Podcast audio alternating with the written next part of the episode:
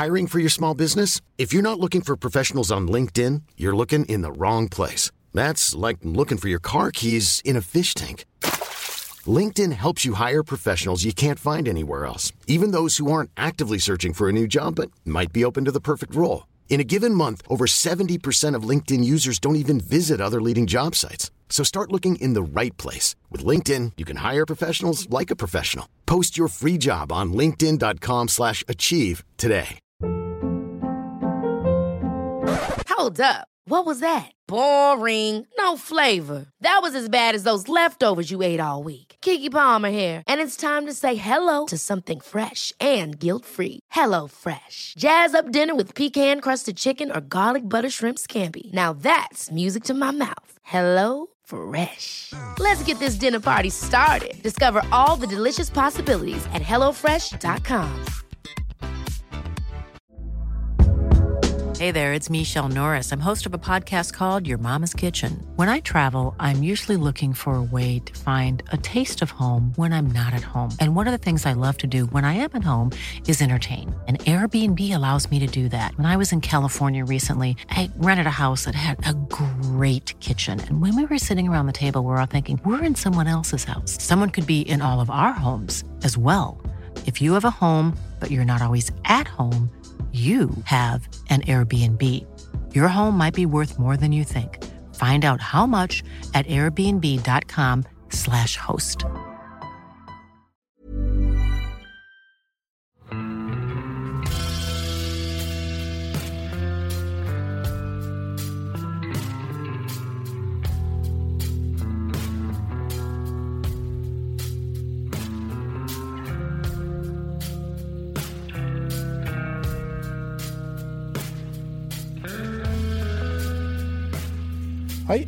Velkommen til podkasten Uteliv. Mitt navn er Randulf Valle. Og i dag er det en ny utstyrsrelatert episode. Og det betyr at jeg har med meg eh, Bengt Rotmo i dag òg. Polarguide, skiløper, eh, generell villmann. Velkommen, Bengt. Jo, tusen takk. I dag skal vi snakke om et tema som er ganske viktig for å trives på tur. Og det å sove godt eh, uten å fryse. Har du fryst mye i soveposen om natta, Bengt? Jeg har det prøvd det, ja. Og jeg må egentlig si at jeg, jeg liker det ikke. Nei, for at det er jo noe som spesielt over tid er ganske ødeleggende for eh, muligheten til å ha det bra på tur. Ja, det er jo da du liksom skal restituere og bli klar til dagen etterpå. Så hvis du ligger og fryser hele tida, så da, da blir det ikke noe særlig da. Start på dagen i hvert fall. Nei, og eh, liksom for turgleden, og spesielt hvis, er, hvis det er liksom ditt første møte med f.eks. vinterfriluftsliv, så kan det jo bli en ganske sånn kortvarig, eh, kortvarig aktivitet. da. Jeg tenker på sånne første vinterturene jeg var på. Jeg tenker at jeg måtte liksom virkelig ønske det her. fordi at jeg husker fortsatt den der blå Jungelak iglosoveposen og et syltynt underlag. Og når du liksom på påsketur da kanskje hadde gjort en del av de andre feilene òg, sittet ute og blitt kald før du gikk og la deg og sånne ting, og så sovner du og våkner at du fryser, håper at klokka kanskje er sånn fem-halv seks i hvert fall, og så er den kvart over elleve om kvelden. Er, da vet du at du har ei lang, kald natt foran deg, og det, det, er ikke noe særlig hyggelig, altså. Det er utrivelig. Jeg tror den verste natta jeg har hatt, det var på Finnmarkssida i en ja, noe som måtte være kanskje litt bedre i en sommerpose. Og vi fikk eh, minus, hva, minus 25, nede 30 eller hva det var. For det var i hvert fall kjempekaldt. Vi lå i sånn skikkelig kuldegrop oppe med, opp med et vann oppå Finnmarksvidda der. Og jeg frøs. Og jeg frøs. Jeg frøs på meg. Jeg fant ut at jeg frøs på meg brist i ribbenet når jeg våkna om morgenen. Jeg vet ikke om det stemmer, men jeg har vondt hele dagen. altså. Og det var skikkelig kaldt. Det var en ufyselig opplevelse, det må jeg bare si. Det var første, andre gangen jeg kryssa vidda, tror jeg. Stemmer det. Det var rett etter at jeg gjorde det når vi var i Forsvaret. Det var kaldt. Det var skikkelig kaldt. Ja. Men heldigvis så fant vi nå gleden over det her eh, videre. Eh, men et, et greit utgangspunkt uh, for en god natts søvn er jo da, som du sier, å, å ha en sovepose som er tilpassa for forholdene. Og det her har jo blitt litt enklere i dag etter at den standarden for temperaturmåling på soveposer kom. Hvor stort sett alle produsenter merker posene sine etter en EU-standard som heter EN 13537. Kom i en oppdatert versjon nå som jeg tror heter ISO 23537. Men det er ingen som bruker det navnet, så er det foreløpig. Men det, det, som er greit å vite der, er at der blir det oppgitt fire temperaturer for posen. De to viktigste er den som heter T-komfort, og som er, den som heter T-limit. T-komfort angir laveste temperaturen hvor en person som ligger på ryggen i posen i avslappa stilling, har en god natts søvn. T-limit angir eh, hvor kaldt det kan være før en person som ligger i fosterstilling på sida, begynner å føle det ubehagelig. Men der er jo altså Selv om alle poser merkes etter og måles etter samme regler, så er det på en måte individuelt hva slags kuldetoleranse man har. Altså, har du noen sånn tanke rundt det der med T-komfort og T-lim, hvor dine grenser går hen, Bengt? Ikke egentlig, men det som jeg ser, er at en komforttemperatur, den, en sånn, den temperaturen den eh, er grei. Altså Det har aldri frosset komforttemperatur i en pose, nei. Men så har det med lim og ekstrem og den biten der, den har jeg jeg, jeg har jo hatt noen sånne kalde netter i telt. og jeg har en sånn, øh, etter hvert blitt sånn at jeg, jeg våkner ikke når jeg fryser lenger. Altså, Hvis jeg fryser, så blir jeg bare liggende. Og våkner heller iskald om morgenen. Altså, jeg er jo i live, selvfølgelig. Så det er altså, Men akkurat den der limiten der, den, den syns jeg er litt sånn vanskelig og veldig sånn grå, egentlig. Hva, hvilken temperatur det egentlig er. da. Så, men så lenge han er innenfor komfort, så er det alt bare fryd og gammen, tenker nå jeg i hvert fall.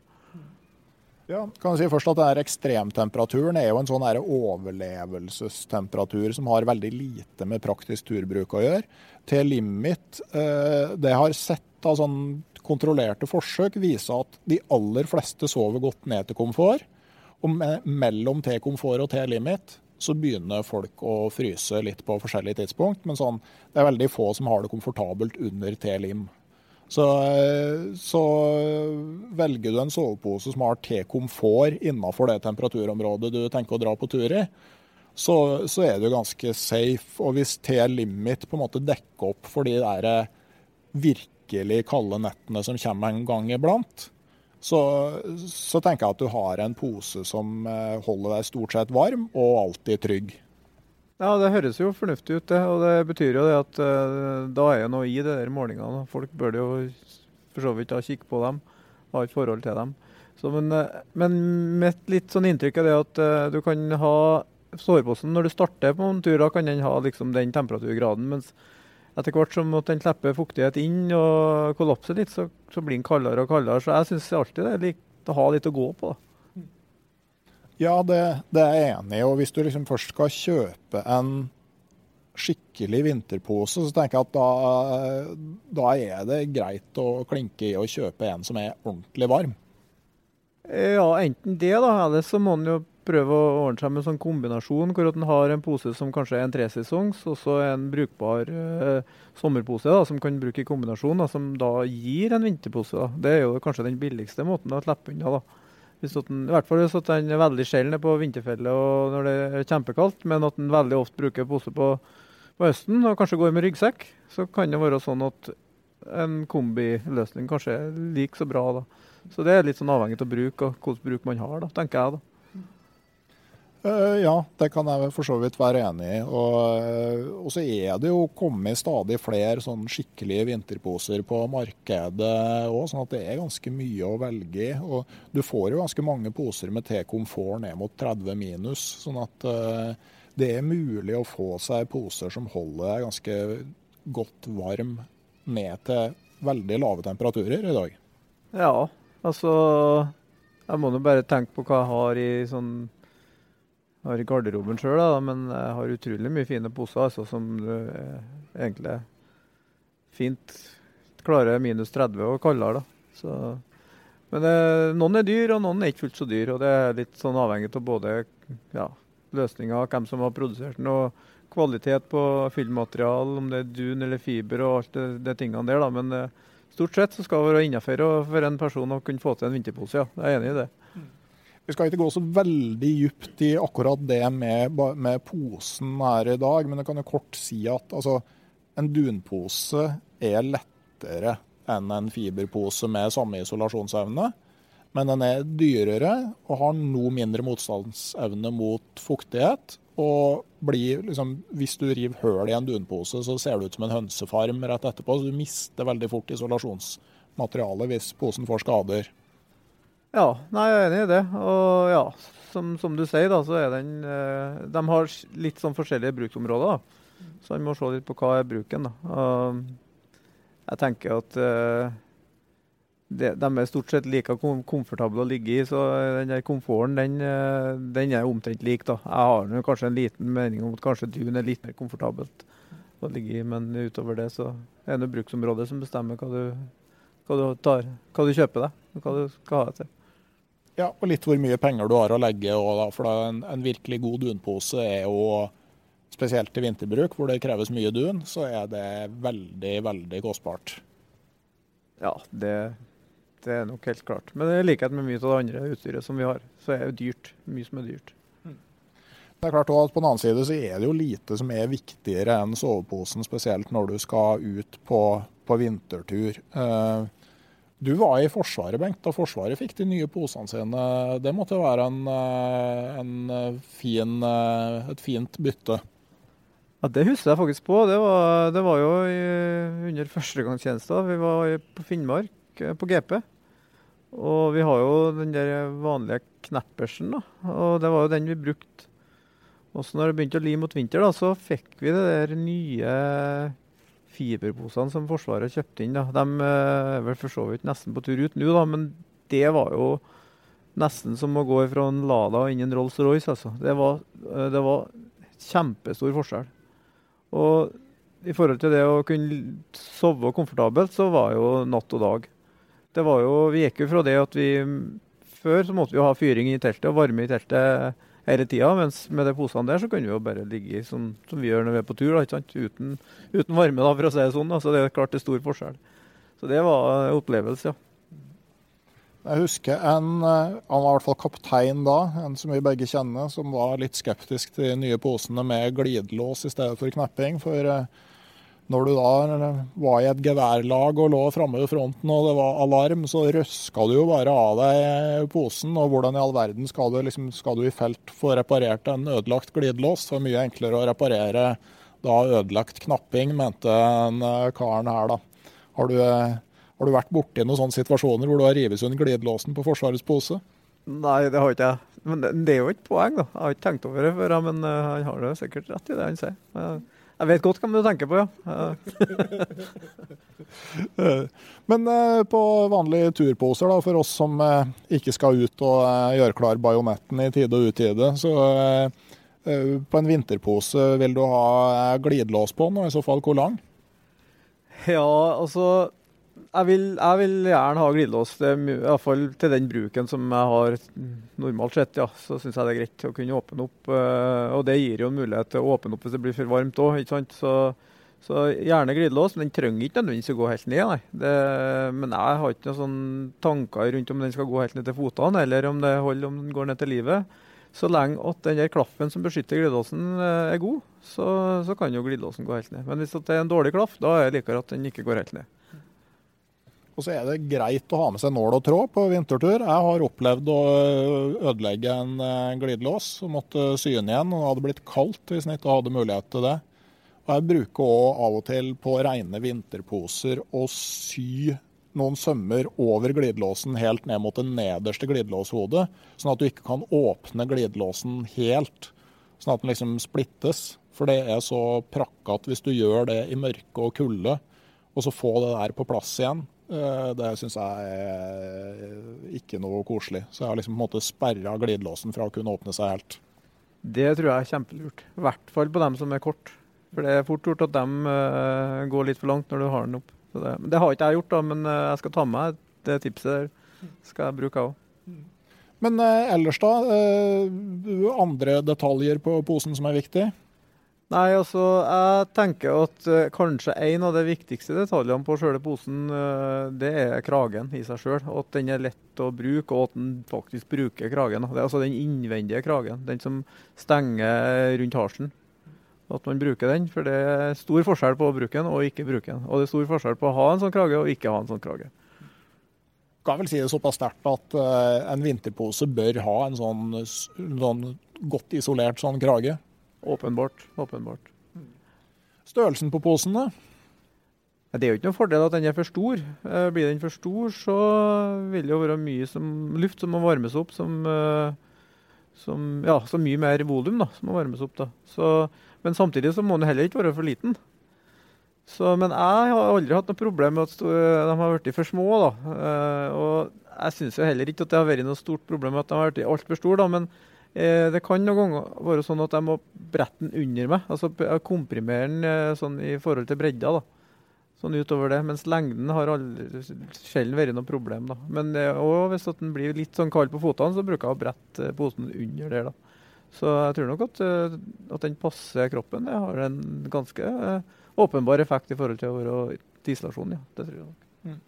Det tror jeg òg. Jeg har sovet litt i poser som faktisk har vært for kort. og det du blir veldig kald på både på føttene og på hodet, for at du ligger og dytter sammen isolasjonen i, i begge ender. Så det, det, er altså ikke for stor og ikke for liten.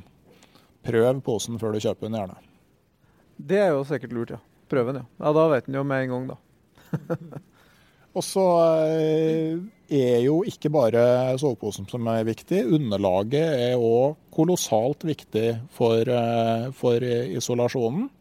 Eh, hva bruker du på vintertur? Ja, altså den der, Min foretrukne løsning skulle jeg si på vintertur, den klarer ikke jeg å få tak i lenger. Men eh, jeg har brukt å ha eh, et sånn helt vanlig standard underlag helt nederst. Så jeg har delt i to. da, så jeg har to underlag. Et vanlig standard. Eh, fyll, hva det heter det? Hva heter? Celleplass. Celleplass, ja. Og så har jeg hatt et kort sånn eh, Det var jo Termarest, det da, underlaget som jeg har brukt veldig, veldig mye et sånn eh, tre-firedels-underlag som kun på en måte har beskytta ned mot lårene. Uh, og det, har en, det, sånn, det, funker veldig bra i forhold til vekt og den biten der. da. Så, men, men uh, altså Det er jo bestandig et spørsmål om volum når det gjelder og volum og vekt når det gjelder det underlaget der. Men at, et, at det har noe å si for natta i posen, det er åpenbart. At det må være godt nok. Det er iallfall helt sikkert. Jeg er jo litt fan av det der med å ha et sånn tradisjonelt celleplastunderlag nederst, fordi at du har en sånn sikring hvis det sjøloppblåsende eller oppblåsbare skulle punktere, sånn at du ikke klarer å reparere det. Jeg registrerer jo nå at en del av de der oppblåsbare underlagene med dun eller kunstfiberfyll gir jo mye isolasjon til relativt uh, lav vekt. da. Å ja, åpenbart. Uh, jeg har ikke brukt dem så fryktelig mye, men Årsaken til det har vært at jeg har vært jern, altså du trekker primusen inn, ikke sant, inn i teltet og skal fyre og fyre primus oppå et sånt underlag som det det funker ikke. For det blir, det blir for mye bevegelse i sjøle underlaget. da. Så Derfor har jeg ennå ikke gått over til den der svære dronning- og kongeunderlagene, for å si det sånn. da. Men jeg har jo prøvd dem, og de er jo fantastiske å ligge på. Det er ikke noe tvil om det. En uh, turkompis av meg som uh, konsekvent har kalt det for uh, gammelkaimadrass. Men han har nå da både blitt pensjonist og kjøpt seg et sånt underlag. Ja, ja, ja akkurat. Ja. Nei, men De er gode å ligge, de er behagelige for ryggen og alt det der. Så, så det er klart, Og det har jo mye med hvordan du sover, ikke sant. Og vi begynner å bli gamlere, jeg og du òg, så vi kjenner jo sikkert litt etter hvert at det, er godt å ha ordentlig, et ordentlig underlag. da. Før kan jeg aldri huske på at det der var et tema. Da, men uh, nå syns ikke jeg lenger at det er noe godt å ligge kun på et sånn celleplassunderlag, nei. Det syns ikke jeg. Nei, ikke jeg heller. Uh, det som kommer mer og mer nå, er jo at du kan uh, At du får vite den såkalte R-verdien til underlaget, som handler om måte, hvor, god, hvor god isolasjonsevne liggeunderlaget har. Det har nettopp kommet en industriell standard for måling av den nå. sånn at nå kan Fra 2020 så vil nok de fleste store liggeunderlagsprodusenter oppgi en R-verdi som er målt på samme måte for alle underlag.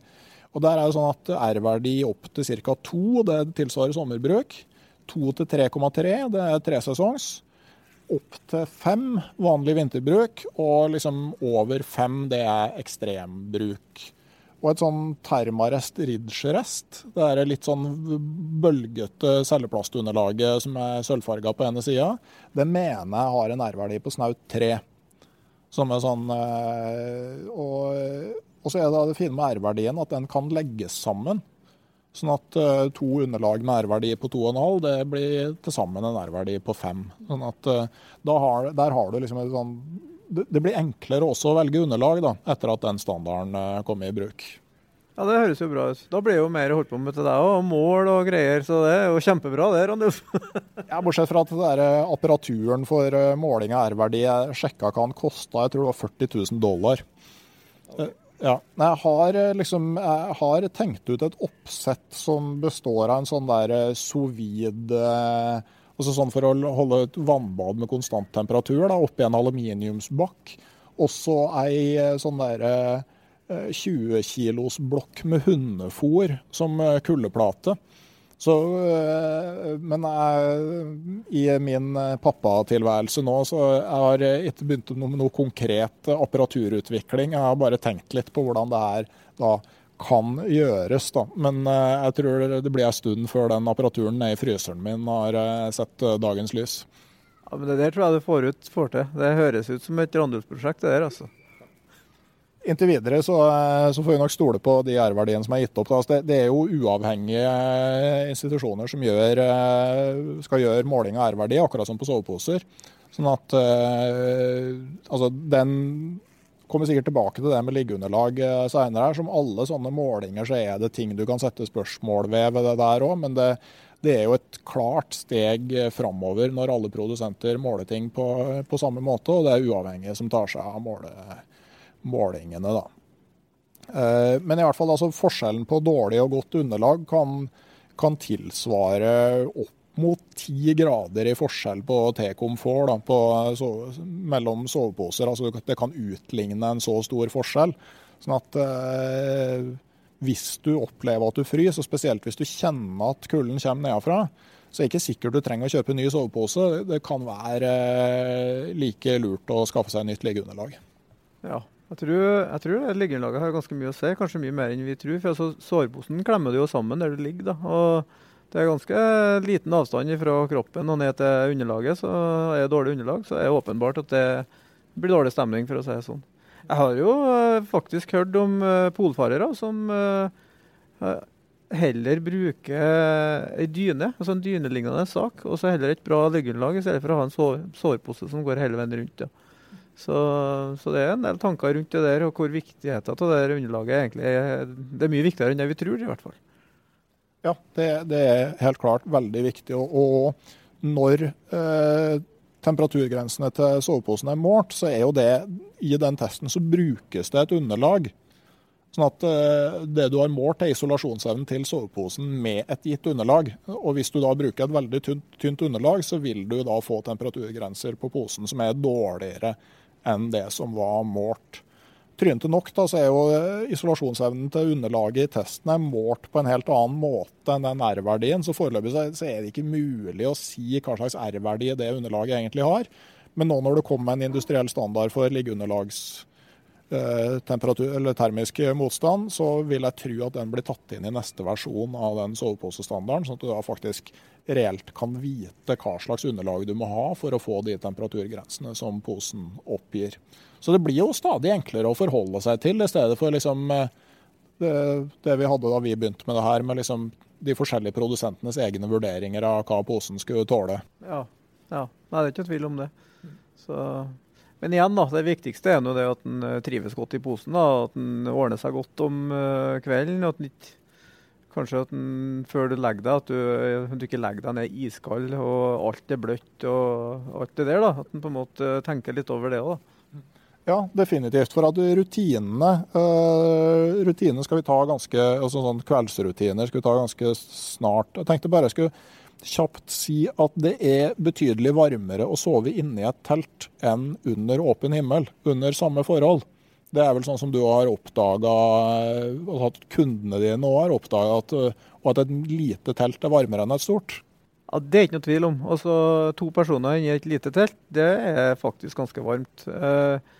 Én person inni et svært telt, det er kaldt. Det, så det er åpenbart i forhold til det med at du varmer opp lufta. Og, eh, vi gjorde faktisk noen målinger på det greiene der når vi var i Alaska, jeg og Are.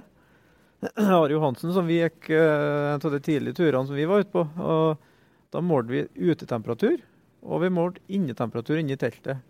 Og vi, vi, har jo temperaturer ned mot minus 42 ut, men det var aldri kaldere enn minus 20 inni teltet. Og det var jo et lite, forholdsvis lite telt. da. Men altså, det betyr at Nå skal ikke jeg si at det der er rette tall, og alt det der, da, men det, det, er åpenbart en forskjell. Ja. Og det er jo ganske brutal forskjell på å ligge i minus 20 og minus 40. altså. Det, det merker du godt. Og så er det, En annen ting er at lufta er relativt stillestående inne i teltet. Og Jeg har sett eh, en sovepose som lå på en test i et kuldekammer, der kuldekammeret holdt 20 minusgrader. Så holdt overflata av soveposen minus 11. Så du har et isolerende luftlag på utsida av posen som tar bort ni av kuldegradene. Og det er noe å tenke på altså, eh, inni teltet der. at altså, Selv om det da er 20 minus inni teltet, så faktisk, kan det hende at overflaten av soveposen din bare er 11. Hvis du i stedet ligger ute i 40 kuldegrader og litt vind, så er overflaten av soveposen din kanskje minus 40. Sånn at Da har du 30 grader forskjell i overflatetemperatur på soveposen, og det, det er brutalt. altså. Det er stor stjerne. Det er klart, det, det vil en jo kjenne i posen da, uansett. Så er du usikker, altså sånn skal du sove ute om vinteren for første gang, så ligg i telt. En, enda en grunn til det er jo at du får mindre varmetap i form av stråling når du, når du ligger inne i et uh, telt. Så så telttur eh, i stedet for åpen himmel hvis du er redd for å fryse. Men så var det det med rutinene. Altså hvordan man på en måte ordner seg til. Du, du kan jo ta litt sånn stegvis kanskje hvordan du måtte gjøre deg klar til kvelden for å liksom, få ei best mulig natt. Ja, det første som i hvert fall jeg bruker å gjøre, det er å kjenne om jeg ligger sånn noenlunde i vater, da, som vi sier. da. Altså At du ikke ligger med hodet nedover. For det, det syns i hvert fall ikke jeg er noe godt. Da Da bygger jeg da bruker jeg å bygge opp sånn, og da bygger jeg helst opp under eh, underlaget. sånn at, eh, Og så har jeg selvfølgelig et eller annet som jeg bruker til put. Jeg ser jo det er faktisk mange som tar med seg dunput på tur, og det er faktisk ikke så dumt. altså. Jeg har sittet og misunt den der puta så mange ganger at en gang så skal jeg gjøre det sjøl. Det, det mener jeg. Så, men det er klart, eh, hvor du har hodet, det har litt å si i forhold til det med hvor komfort du får i løpet av natta. Gjennom natta. Så er jeg jo litt sånn avhengig av hva som skjer. Om det er dårlig vær, f.eks. kan det være en plass hvor du plutselig må ut. Da er jeg litt avhengig av hva er du har i, uh, hvordan kler du deg i possene. Men hvis det, det, ikke kommer inn i bildet, så bruker jeg bestandig på en måte å ha et forhold til hvor mye klær jeg har på meg. Jeg har ikke på meg noe, mye, men jeg, jeg, jeg sover heller ikke uten klær. Det er noen som uh, sover uten klær, men jeg, jeg, foretrekker i hvert fall å ha litt. Rann, ja. Og kanskje det likeste i forhold til det å ha en god natts søvn, det er å på en måte starte natta med sånn varm eh, nalgenflaske eller lignende som er kokende vann. Som du tar med deg ned i posen, og som du kan på en måte uh, flytte litt rundt da, for å få eh, starta natta bra. Mm. Og da vil jeg som regel fortsette like bra. Ja, for ei sånn litersflaske med kokende vann, jeg regna litt på det der. og den den, den, avgir omtrent like mye energi som kroppen din gjør i løpet av en time. Så, så liksom hvis den holder litt varme Du kan si sånn røftlig kanskje at hvis den holder varmen i fire timer, da, at du har 25 ekstra varmeproduksjon i, i, fire timer. Og det, det er ganske mye, altså. Ja, det er stor stjerne. Og, og, og inntrykk av det at det som skjer helt i starten det, For at det er gjerne da du er litt sånn kald på fotene og alt det der når du først har fått varma deg opp, sant, så er det greit. Så du kan jo legge deg kald i posen og våkne varm. Det er jo mange ganger jeg har gjort det, men da er det likere å liksom da kjøre på med den flaska der, da, så har du det greit med en gang. da. Ja, og det er òg noe med det med å ikke legge seg Altså hvis du er redd for å fryse, så, så ha med tørt undertøysskift. Altså hvis du er på en helgetur, så, så kan du ordne sånn at du vet du har tørre klær. Eh, på deg i posen. Og så heller ikke sånn Ikke sitt ute til du er gjennomkald før du går og legger deg. Nei, det er jo helt klart en fordel å ikke være kald. når det, og Da er det jo nesten likere at den varmer seg opp før han på en måte sovner. da. Og Jeg liker at det er litt sånn godt og varmt eh, inni teltet når en på en måte legger seg til. da, Og sitter der med sånn halvåpen sovepose og drikker en kopp te eller et eller annet varmt. i hvert fall. Jeg kan gjerne ta en kaffe, jeg, altså. det er ikke for det. Så at det liksom er litt sånn stas før det liksom, du netter helt ned. da. Jeg tenker også Hvis du er litt sånn uggen og kald, altså hvis det ikke er altfor kaldt ute, så vil det jo hvis du bare tar primusen inn i innerteltet, kryp ut av soveposen, fyrer skikkelig inne så du får opp temperaturen, og så rett og slett sånn får varmen i deg, få varmen i tærne. Så sånn, Vær god og varm. Ta deg litt tid til det før du kryper i posen, men òg det med, med godt, ordentlig med mat og drikke. Eh, og kanskje spise ikke det aller siste du gjør før du skal legge deg. Nei, altså, han burde ha spist en middag på forhånd, ja, men jeg tar nå gjerne en sjokoladebit ja, før jeg kvelder her, ja. Det må jeg bare si. Ja, jeg tenkte mer på det her at uh, hvis du liksom eh, drar på med et digert måltid etter en lang dag på tur, så fyker vel mye av blodet ned for å eh, hente næringsstoffer, og at du lettere blir kald sånn like etterpå. Men det er også det med den varme tekoppen før du skal legge. Altså Mange er redd for å drikke i teltet om kvelden for at de er redd for at de må pisse i løpet av natta. Ja, ja. Og skjønner, skjønner. Ja, nei, men da er jo løsninga enkel, for, i hvert fall for oss karene. Den er bare å ordne seg med en sånn pisseflaske. Så, så er jo det greit nok. Det bruker vi i hvert fall på lange turer, så bruker vi det. Jeg bruker det på kortere vinterturer òg. Altså, eh, både for nattesøvn for neste dag. Altså det der at du kan drikke så du er ordentlig hydrert. Det har så mye å, å si. Og, og, det virker kanskje litt sånn underlig det å drive og pisse ned i soveposen, men det, det er veldig fort gjort å lære seg. Uh, liters Nalgenflaske med godt synlig merking. Gjerne 1,5 liters, egentlig. Når jeg tenker meg om. Én liter kan være litt marginalt. Ja, det kan stemme det. da. Altså, det går, går det stort sett bra med en liter. ja. Jeg har nå brukt det opp gjennom tida, jeg i hvert fall. Men nå er jo du mye større enn meg, da. Så det er klart eh, det er mer vann som skal ut òg. Husker du i Nordøstpassasjen du lagde sang til pisseflaska? Ja, jeg tror jeg husker på det. Men det, det, tror jeg vi glemmer akkurat i dag. Veldig lei meg for at jeg ikke har det på teip. Jeg tror teksten handla om eh, om eh, nattens produksjon, eh, først og fremst. Av hvorvidt det ble ansett som bra eller dårlig og tilstrekkelig. Det stemmer, det. stemmer. Ja, det var jo konkurranse. Hvem har pissa mest? Ja, stemmer det. Eh, det var en sang som neppe aspirerte til Nordisk råds litteraturpris. Men, men, men læl. Men liggestilling i posen, da? Ligger du på ryggen eller på sida? Fosterstilling? Jeg bruker å ligge på sida, litt sånn halvveis i fosterstilling. Ja. Det er da jeg ligger best. Så, men det er klart eh, Det er kaldere å ligge på ryggen, ja. Det er ikke noe tvil om det. Nei, du, du, får rett og slett større altså du får, første, For det første så får du større overflate ned mot underlaget, hvor ofte mye av varmen går tapt, tror jeg. Og så får du jo, hvis du ligger i fosterstilling, så har du jo mindre kroppsoverflate mot kulda. Sånn at uh, jeg mener fra den der eh, soveposestandarden at det de på en måte legger til grunn, er at du minsker varmetapet med rundt 20% når du går eh, fra ryggen til å ligge i eh, fosterstilling. Ja, nei, men det stemmer nok, det. Det er i fall, stemmer med mine erfaringer i hvert fall i felt. ja. Hodet godt ned i posen? Ja, i hvert fall hvis det er kaldt. da. Hvis det, hvis det blir varmt, så kan du jo trekke opp. da, Men uh, du våkner jo om natta og er kald hvis du har det utafor, så du må jo ned uansett i løpet av Jeg bruker å ha på hu sånn, litt sånn lettere lue i tillegg. da, Huet en strekka lue eller et eller annet sånt. Nå. Og så har jeg hodet nedi posen. Jeg tar bestandig igjen helt og knytter igjen rundt hersen. Er det kaldt, så liker jeg egentlig å bruke balaklava, for jeg syns lua har en sånn lei tendens til å ramle i løpet av natta. Så våkner at den fryser. Ja, nei, det funker det òg. Jeg, jeg har jo hørt dem som virkelig har prøvd seg når det har vært kaldt, så har de ligget med ansiktsmaske og til og med i, i i soveposen. Det har jeg aldri hatt vært nødvendig for min del. På en, på en, lengre tur så vil jo da soveposen gjerne miste noe av isolasjonsevnen underveis. Og så har du noen sånn strategi for å redusere det her isolasjonsreduksjonen?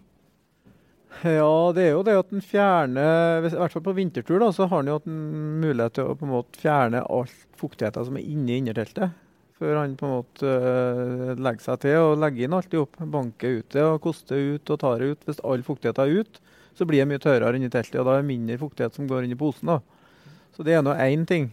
Uh, det andre er nå det at uh, stort sett på en sånn langtur så vil det være dager hvor du har muligheten til å, til å tørske utapå pulken. Og da bare strepper de på pulken og så lar den tørke enten i sola eller trenger ikke nødvendigvis være sol heller. Og få tørska ut litt, da. Og så er det på en måte å prøve å unngå å bruke når det ha den ut, da, når det er fuktig inni teltet. Da. Når det liksom, du holder på å koke alt det der. da.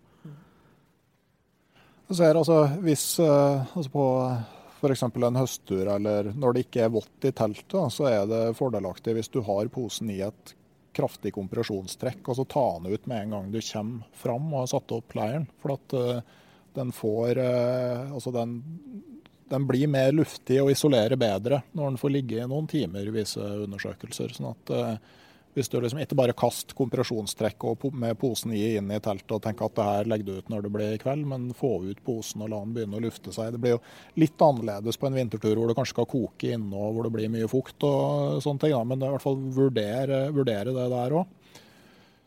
Og så er det jo en kjensgjerning at over tid så mister posene en del isolasjonsevne. Eh, Forsvaret gjorde jo en studie på det her før de lagde den posen du eh, fikk.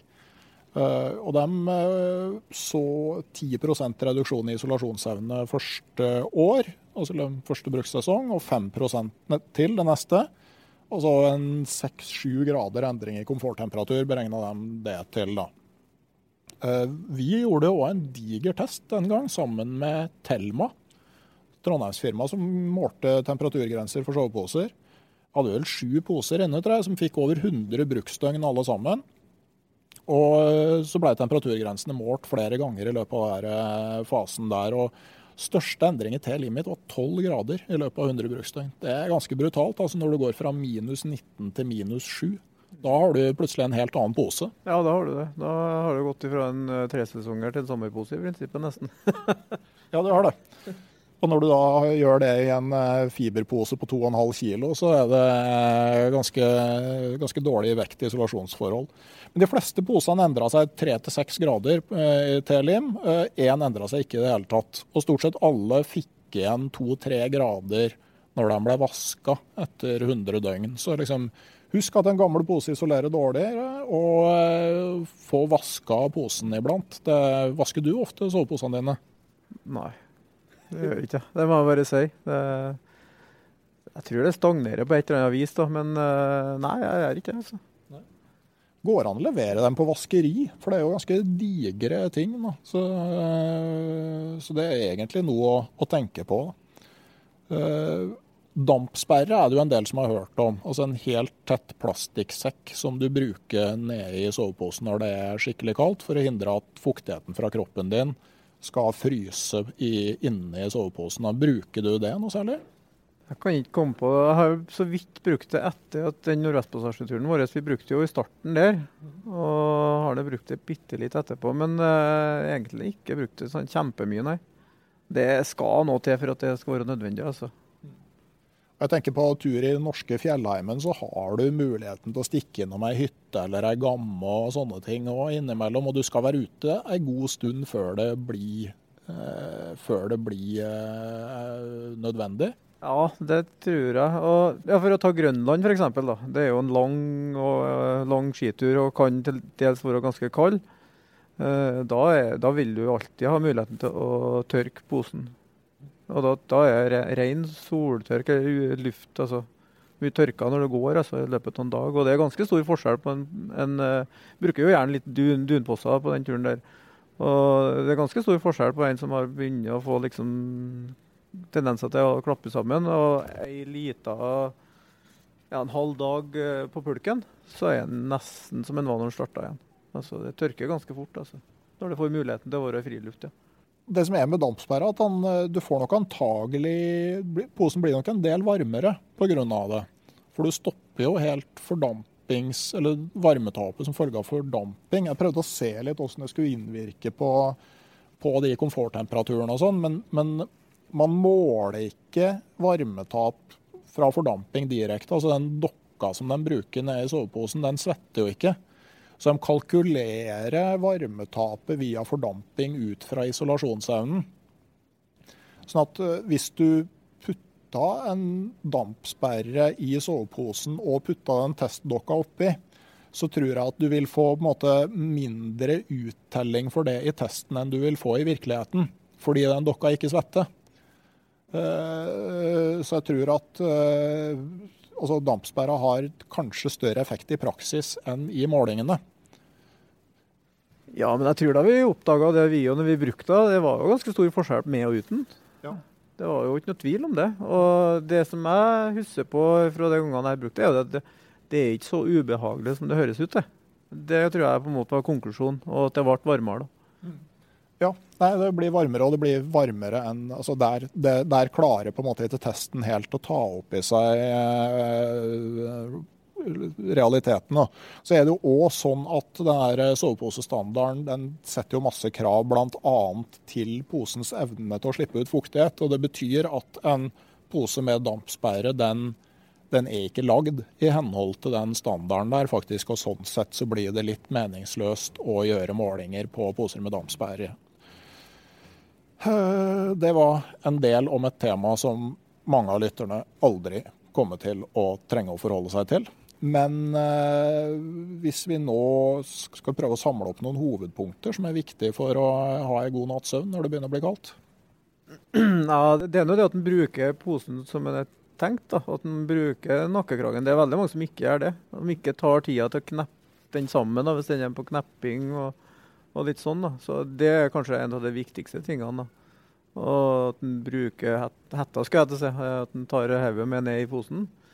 Um, og så Hvis den skulle bli kald, da, så er det kanskje å bare prøve å rulle seg litt rundt og få opp armen. Og Det som òg fungerer ganske godt, uh, det var noe av en uh, amerikansk forsker. Hvis jeg var kald i posen, og vakna var kald, da måtte jeg ete sjokolade. Og Det har jeg tatt til meg, og det funker veldig bra. Det er ikke vanskelig å be om det, nei. Men hvis i tillegg da sier altså eh, sovepose med tekomfort innenfor de temperaturene du skal ut i, et godt underlag, og varmeflaske. Ja, varmeflaska den må jo med. Det er et kjempetips. Og så har du valget mellom to poser, ja, og du er litt usikker, da velger du den varmesten. Og så er det òg sånn at etter hvert som du har sovet en del ute, så er det ikke noe krise å våkne og finne ut at du er litt kald. Det er, det er på en måte en sånn læringsgreie, det her òg. Og det handler litt om du virkelig vil, tror jeg. Eh, sånn at etter hvert så ja, du våkner, du er litt kald, rører litt på deg, legger deg på sida, legger deg i fosterstilling. Og sjøl om du egentlig fryser litt, så klarer du å slumre deg sånn rimelig godt gjennom natta etter hvert. Ja, jeg tror du har rett i det. Og så blir det jo gjerne bare det at du våkner, blir gjør at du blir varmere, ikke sant. Så sover du igjen en time eller to, da, så kanskje våkner du og er kald igjen. og så må du røre litt på deg igjen, og så er du i gang igjen og har en to timer med søvn. og ja, Så får du jo morgenen kommer, og kaffen er klar, og maten er klar, og alt det der. Så er det bare, alt bare fryd og gammen. Det tror jeg kanskje er Eh, den beste avslutningsfrasen så langt i podkasten Uteliv. Når eh, du våkner, for fyra opp primus og får kaffe, så er den kalde natta glemt. Den bør i hvert fall være det. Eh, da har vi kommet til enden av nok en episode av podkasten Uteliv. Jeg tenker jo at jeg kan denne gangen her òg minne på at jeg har ei bok som heter 'Hvorfor er det så kaldt å være våt?', hvor man òg kan lese mer sånn eh, nerderier rundt der med soveposer, underlag og hvor varmt eller kaldt det er å sove under forskjellige forhold. Den er mulig å kjøpe hvis du finner Randulf Valle Naturformidling på eh, VIPS. Ellers så sier vi bare takk for oss, og god natt, kanskje. Og så er podkasten Uteliv tilbake om ei uke. Ha det bra.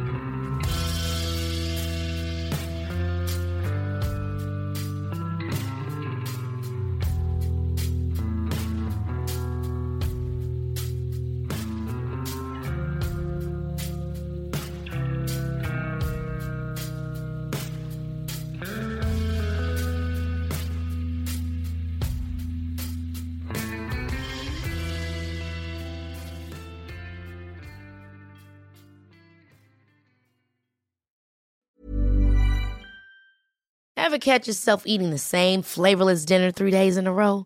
Dreaming of something better? Well, HelloFresh is your guilt-free dream come true, baby. It's me, Kiki Palmer.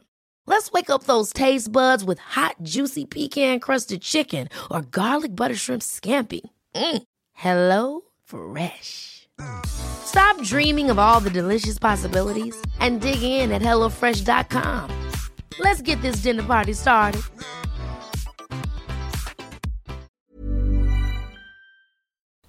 Hei, jeg heter Nore Helligsen og er daglig leder i Barents Outdoor. Det beste vi kan gjøre for planeten, er å redusere forbruket vårt og få mer ut av det utstyret vi allerede har. Men vi vet av erfaring at bruken av telt kan endre seg over tid. Det teltet du kjøpte for to år siden, passer kanskje ikke det behovet du har i dag.